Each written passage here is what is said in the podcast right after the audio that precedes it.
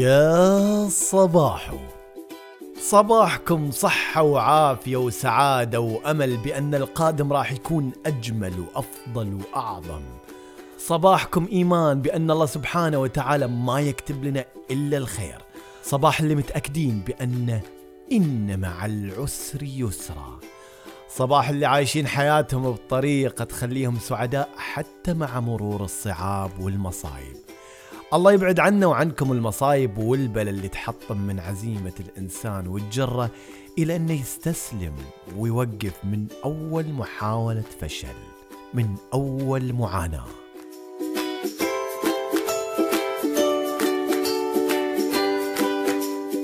لطالما آمنت في حياتي بأن الفشل أمر ضروري وسيلة للبحث عن الأفضل بعد النهوض من السقوط. ويا حظ الفاشلين اللي في كل مرة يطيحوا يقوموا من طيحتهم وهم ناس أقوى وأكثر نجاحا. الفشل له فضل بعد الله سبحانه وتعالى في معظم نجاحاتنا اللي عايشينها اليوم. اختار لك أحد نجاحاتك ورجع شريط الذكريات ورا وشوف كم مرة فشلت وكم مرة طحت وش قد عانيت عشان توصل إلى اللي وصلت له. وهذا الكلام يجرني إلى كلمة المعاناة. أنا شخصيا أشوف أن المعاناة أمر جيد ومطلوب لأنها راح تعطيني مجال إلى أني أفكر في طريقة إلى التغيير والخروج من هذه المعاناة بطريقة تساعدني على البقاء. يقول مارك مانسون في كتابه الشهير فن اللامبالاة المعاناة أمر مفيد من الناحية البيولوجية إنها الواسطة المفضلة لدى الطبيعة من أجل الحث على التغيير. لقد نشأ جنسنا بحيث نعيش دائما قدرا من عدم الرضا ومن عدم الأمان. لأن من شأن الكائن غير الآمن غير الراضي أن يبذل قدرا كبيرا من الجهد والعمل في سبيل التجديد وفي سبيل البقاء.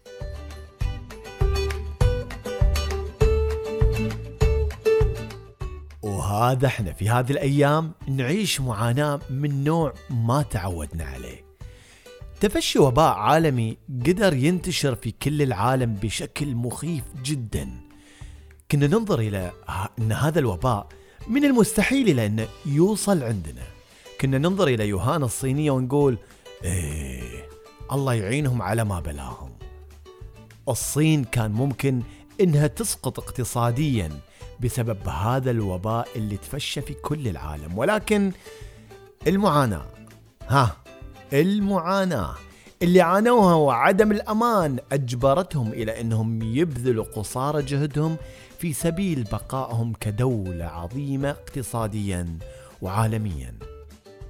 انتشر الوباء في كل العالم وبدأت كل دولة تاخذ التدابير اللازمة. حتى تحافظ على شعبها واقتصادها وحضارتها من هذا الفيروس اللي نشر الرعب في نفوس الناس ومن هالدول مملكتنا الحبيبة اللي ما ادخرت جهد في إنها تحذو حذو بقية الدول عشان تحافظ على شعبها بالدرجة الأولى. كانت إحدى هذه التدابير هي عزل محافظة كاملة من شمالها لجنوبها ومنع خروج أو دخول أي شخص وبدأت بأخذ التدابير والتخطيط الجيد لحصر المرض والعمل على الاعتناء بالمرضى وتوفير كل اللي يحتاجه المصاب من علاج واهتمام وراحة نفسية قبل الراحة الصحية والجسدية.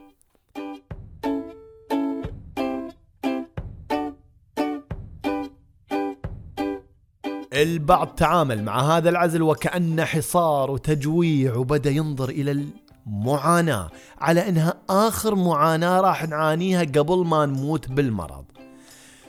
نشرت الإشاعات بشكل سبب رعب لكل اللي في منطقة العزل. يا إلهي وكأن يوم القيامة قرب وصاروا ناس وايد همهم بس إنهم كيف يعيشوا أطول مدة. بعضهم كان راح يموت والمرض ما جاه. كان راح يموت من الخوف اللي أوهم نفسه فيه والبعض يا عيني عليه. تعامل مع الأمر بإيجابية لأنه مؤمن بأن القادم إن شاء الله أفضل وبدأ ينشر الرسائل المطمئنة للناس بطريقة صحيحة. ما صار عندهم اهتمام زايد بالموضوع ولما أقول ما أعطوا اهتمام زايد مو معناتها ما اكترثوا وتركوا الأمور سايبة وكأن ماكو وباء أصلا. لكنهم اهتموا بشيء أكثر أهمية وهو طمأنة الناس وتوعيتهم بضرورة الهدوء وعدم الانجرار وراء الإشاعات اللي صاروا ينشروها ضعاف النفوس. إلى هذه الساعة اليوم الجمعة 13 مارس 2020 والعزل ما زال قائم.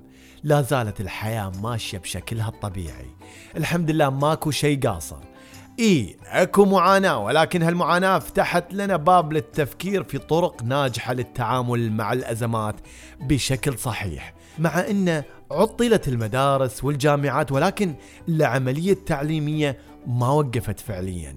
لا زالت قنوات التعليم عن بعد متاحة بقدر المستطاع. لا زال طلابنا وطالباتنا يدرسوا ويحلوا واجباتهم من البيت.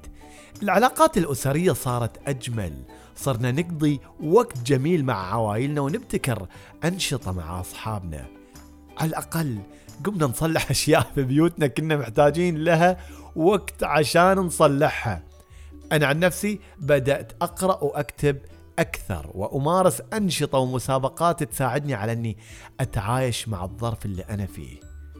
المعاناة علمتنا أن إحنا لازم نبذل جهد من أجل البقاء. فشكرا للمعاناة بعد الله لأنها قاعدة تعلمنا شيء جديد.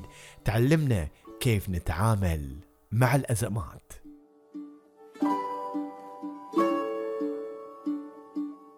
في نهاية الحلقة رسالة شكر وتقدير قد الدنيا وقد الكون لكل الكوادر الصحية لكل الفرق الطبية والتطوعية اللي قاعدة تبذل مجهود واضح في سبيل إنها تحافظ على حياة الملايين من البشر.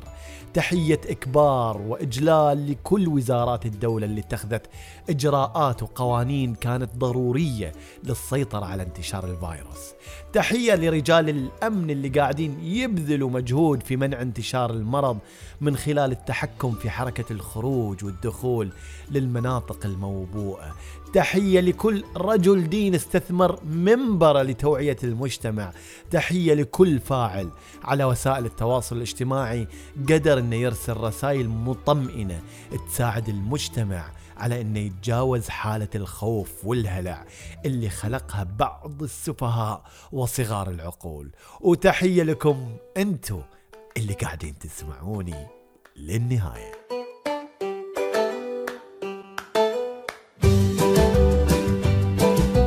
بكرة راح تتذكروا بأن الله سبحانه وتعالى أراد لنا الخير من خلال هالمعاناة. لله حكمة فيما يقدر ولأن ثقتي بالله كبيرة فأنا مؤمن بأن هالمعاناة راح تطلع أفضل ما عندنا وراح تأخذنا لمرحلة جديدة أفضل نكون فيها أشخاص أقوى وأكثر حكمة. اللهم أبعد هذه الغمة عن هذه الأمة وشافي جميع المرضى وارحم الأموات منهم واحمينا من كل شر. اللهم ومن أرادنا بسوء فأرده ومن كادنا فكده خليكم متفائلين وإيجابيين وانظروا للأمر من جهة أخرى وابتسموا دايما. أخيرا أقول لكم مثل ما بديت. يا صباح